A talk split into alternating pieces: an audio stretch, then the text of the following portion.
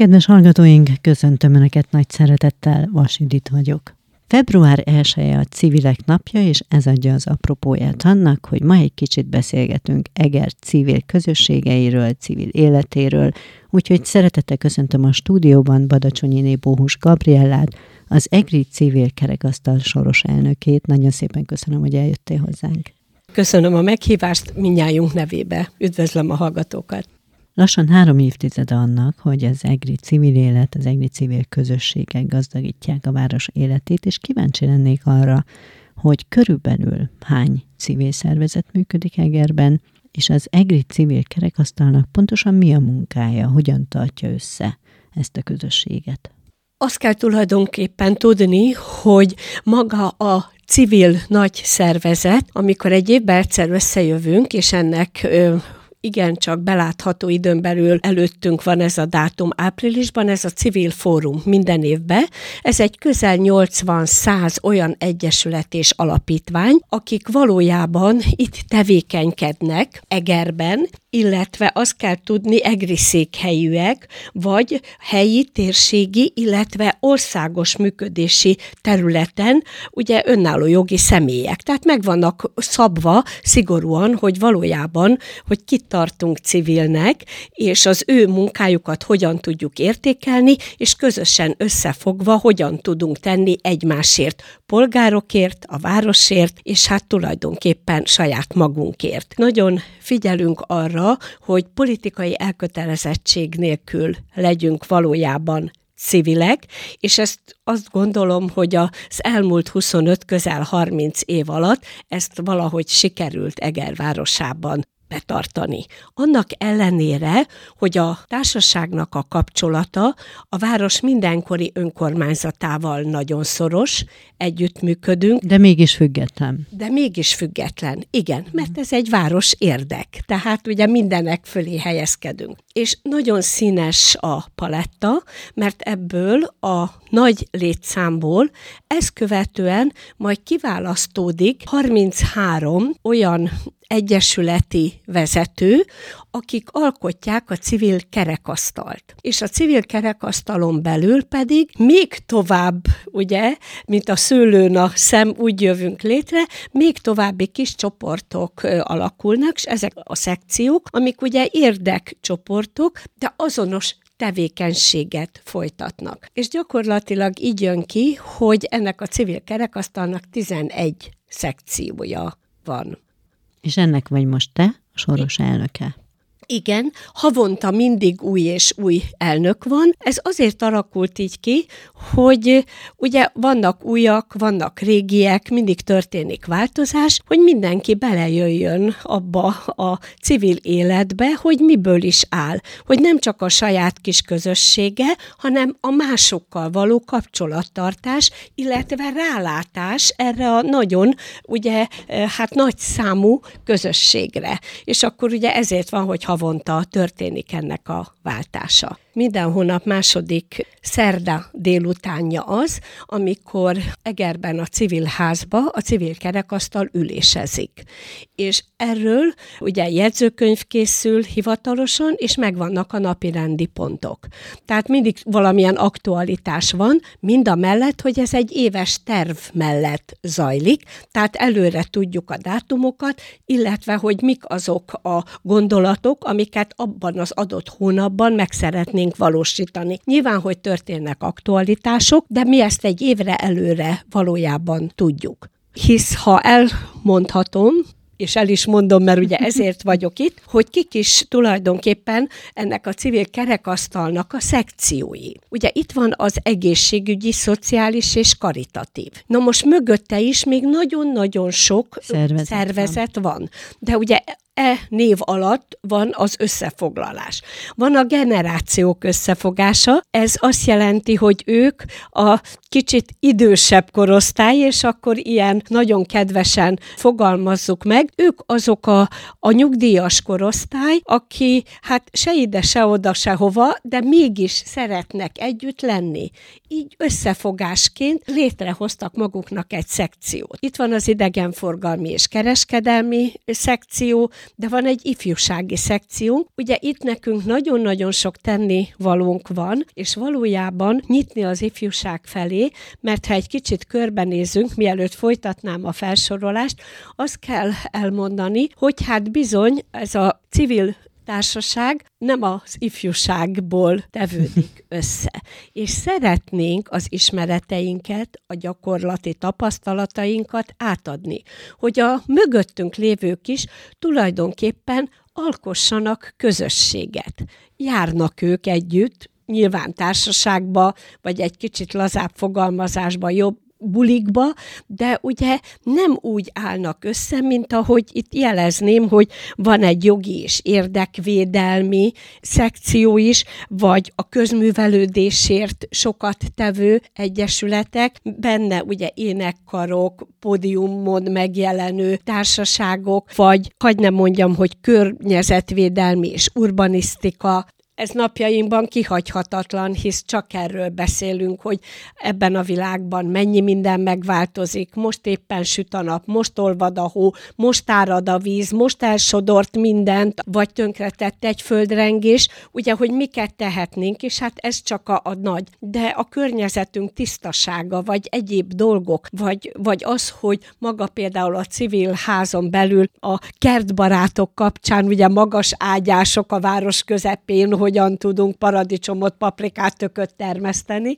uh-huh. hogy használjunk ki minden területet. Ugyanakkor, amivel próbáljuk segíteni az ifjúságot, meg egy kicsit magunkat is, ugye itt van az, hogy a diákoknak az önkéntes munkavállalás.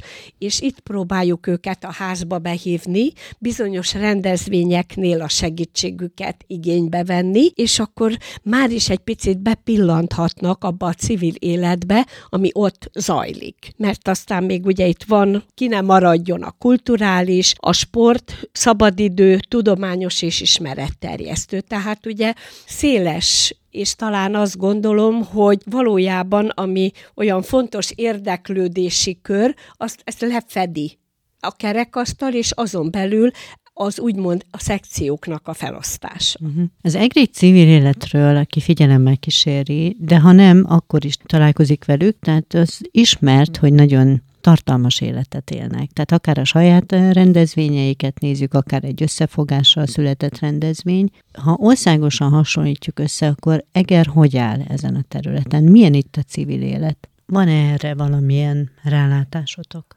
Igen, én úgy gondolom, mert vannak ilyen különféle szimpóziumok, más városokkal való kapcsolatfölvétel, akár lent egy Békés Csabai, vagy egy Érdi, vagy Gyöngyös városa, de én úgy gondolom, hogy Eger civil élete az mozgalmas, és azáltal, hogy nagyon tevőlegesek vagyunk, ugye itt olyan különleges pozíciót is elért maga ez a civil közösség, és ezáltal az itt lévő civil kerekasztal is, hogy évente történik mindig a, az újraválasztása azoknak a tagoknak, vagy éppen megerősítése, mert esetleg évek óta már jól képviselik a civileket, hogy a város önkormányzatában működő bizottságokba civil delegáltak vannak. Ugye ők a szakmát képviselik, tehát a szakterületből igyekszünk kiválasztani azokat a kollégákat, akik a bizottsági ülésen részt vesznek, ugye megkapják a bizottságok anyagait, és ott véleményezési és hozzászólási joguk van, csak szavazati joguk nincs. De ez azt jelenti valahol, bocsáss meg, hogy az önkormányzat is komolyan vesz titeket. Igen, és erre úgy gondolom, hogy Egerváros büszke lehet, meg a civilek is. Ez ugye olyan dolog, hogy a delegált egy adott napirendi ponthoz, ha tisztában van vele, akkor nyilván úgy mondja el a gondolatait, hogy tudja, hogy valójában a civilek, illetve az itt élő város lakókat is képviseli, ha pedig ez egy szélesebb fórumot kíván, akkor egy körlevélben, egy e-mailen kiküldjük, és akkor várjuk az észrevételeket, ezeket összesítjük, és ennek a, az ismeretében fogunk a bizottságba hozzászólni, és ez évtizedek óta jól működik.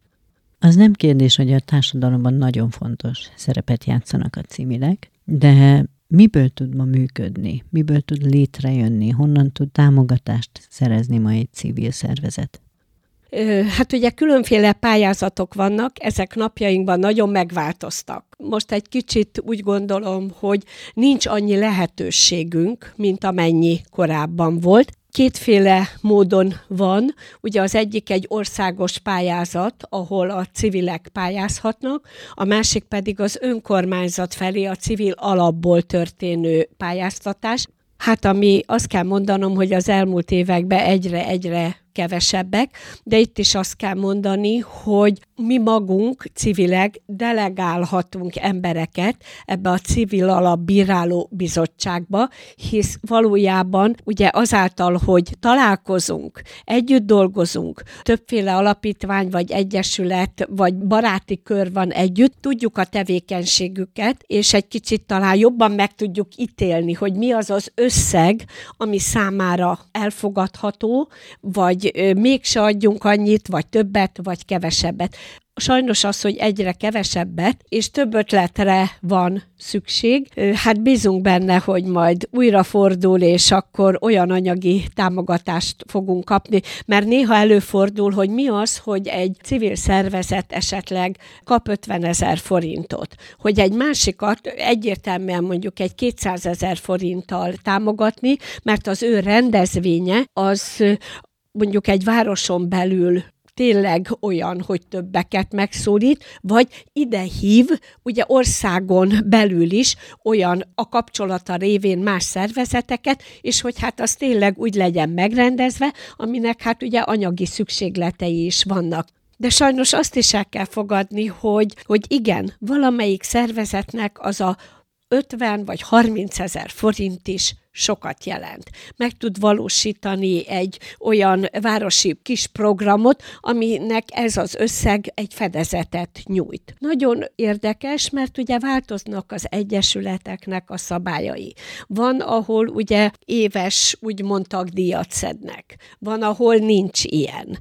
Hát igen, sajnos pénz körül forog az életünk, hiába van az, hogy, hogy tele vagyunk jó gondolatokkal, de bizonyos dolgok megvalósítanak megvalósítása ez nélkülözhetetlen. Ugye van, akik ugye mindenféle tevékenységet folytatnak. Most például azt mondom, hogy ha én figyelembe veszem az idegenforgalmi és kereskedelmi szekciót, azon belül nekem itt van a, a falusi turizmus is, tehát a környező településeknek a bevonása, vagy mi magunk, és mi például minden adventkor megszervezzük azt, hogy hátrányos helyzetű gyerekeket látunk el, és akkor adventi koszorú készül, megáldva, kis műsorral, de ezekhez bevonjuk a, a barátnőket például, vagy a foltvarrókat. Tehát tényleg egy összefogás, és akkor ott meg elkészülnek. De egy röv anyag is ugye pénzbe kerül.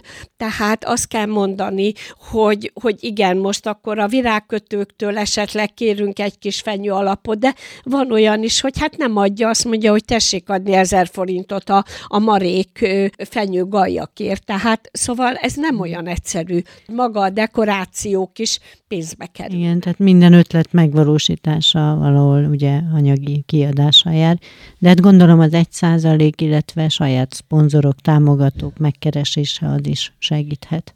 Igen, hát ez a másik. Itt azt kell mondani, hogy leginkább mindig az egyesületek saját maguk próbálnak az egy százalékért, illetve ugye bizonyos bevásárló központoknál ugye az éremszerzéssel pénzt gyűjteni. Tehát tele vagyunk ötletekkel, hogy milyen anyagi forrást tudunk ehhez biztosítani. És ugye ezek azt mondom a hivatalos részei. És ahogy elmúlik egy-egy év, akkor pedig hát összejövünk egy kicsit kötetlenebb formába, ami előtt mi is állunk, mert ugye elsője az civil nap, de február másodika Egerbe az úgynevezett civil rendezvú, ahol a szekciók fognak találkozni, mégpedig olyattébb formában, hogy egy kicsit értékeljük röviden az évet, mert erre nem ez, hanem majd a nagy fórum alkalmas, ahol ugye nagyobb létszámmal vagyunk. Itt a civil kerekasztal szűke patriarkáján belül tulajdonképpen az ajánlások, hogy is mondjam, az önkéntesek, akik egész évben egy-egy szekción belül nagyon sokat tettek, azok elismerésre kerüljenek. Ez maga a, a szekció javasolja, ugye egy-egy szemét, és ezt próbáljuk valamilyen formában elismerni, oklevéllel, tárgyutalommal. De nem csak így zajlik a szekció önkéntesek elismerése, hanem vannak úgymond jubiláló szervezetek. Az pedig a civil kódexünk meghatározása szerint úgy van, hogy a tíz éves munkásságtól határa csillagos ég, hogy milyen tevékenységük van. Azt kell mondani, ugye öt éves periódusra, tehát 10, 15, 20, 25, 30 ilyen formában. És ugye itt is nagyon érdekes, mert például ebben az évben azt kell mondani, hogy tíz ilyen szervezet van, aki nagyobb évfordulót fog úgymond vagy ünnepelt, és hát őket is szintén hát bizonyos nemes nedű mellett egy oklevél átadásával fogjuk majd köszönteni. Például ilyen a, hogy 55 éves a fegyveres erők és testületek Egri Dobó István nyugdíjas klubja. Tehát ugye ők azok, akik ebben az évben a, úgymond a maguk mögött a legtöbb évet tudják. De 65 éves még a Heves megyei fotóklub is. Tehát ugye ők is tagjai, és akkor itt, ha ezeket említhetem, már is látszik, hogy a civileken belül milyen színes a háttér, illetve vagy kik alkotják a, a civileknek a közösségét. De itt van, azt kell mondani, az EGRI Zenészek Egyesülete, az EGRI tanító és tanárképzős öregdiákok baráti köre, ők például 30 évesek, vagy az Életminőségért Alapítvány, a Medicina és a Gyógyulásért Alapítvány. Tehát nem sorolom, mert még van, tehát így vagyunk mi civilek együtt, színesen. Ahogy hallgatlak, azon gondolkodtam, hogy akkor valójában a civil élet, most itt nagyon tágan, hogy kiket érint, az Eger lakosságának nagyon nagy részét érinti. Tehát sokan vagyunk benne ebben a civil életben, vagy civil közösségi életben. Igen, talán föl se tűnik, igen. a város lakóknak, de ugyanakkor azt kell tudni,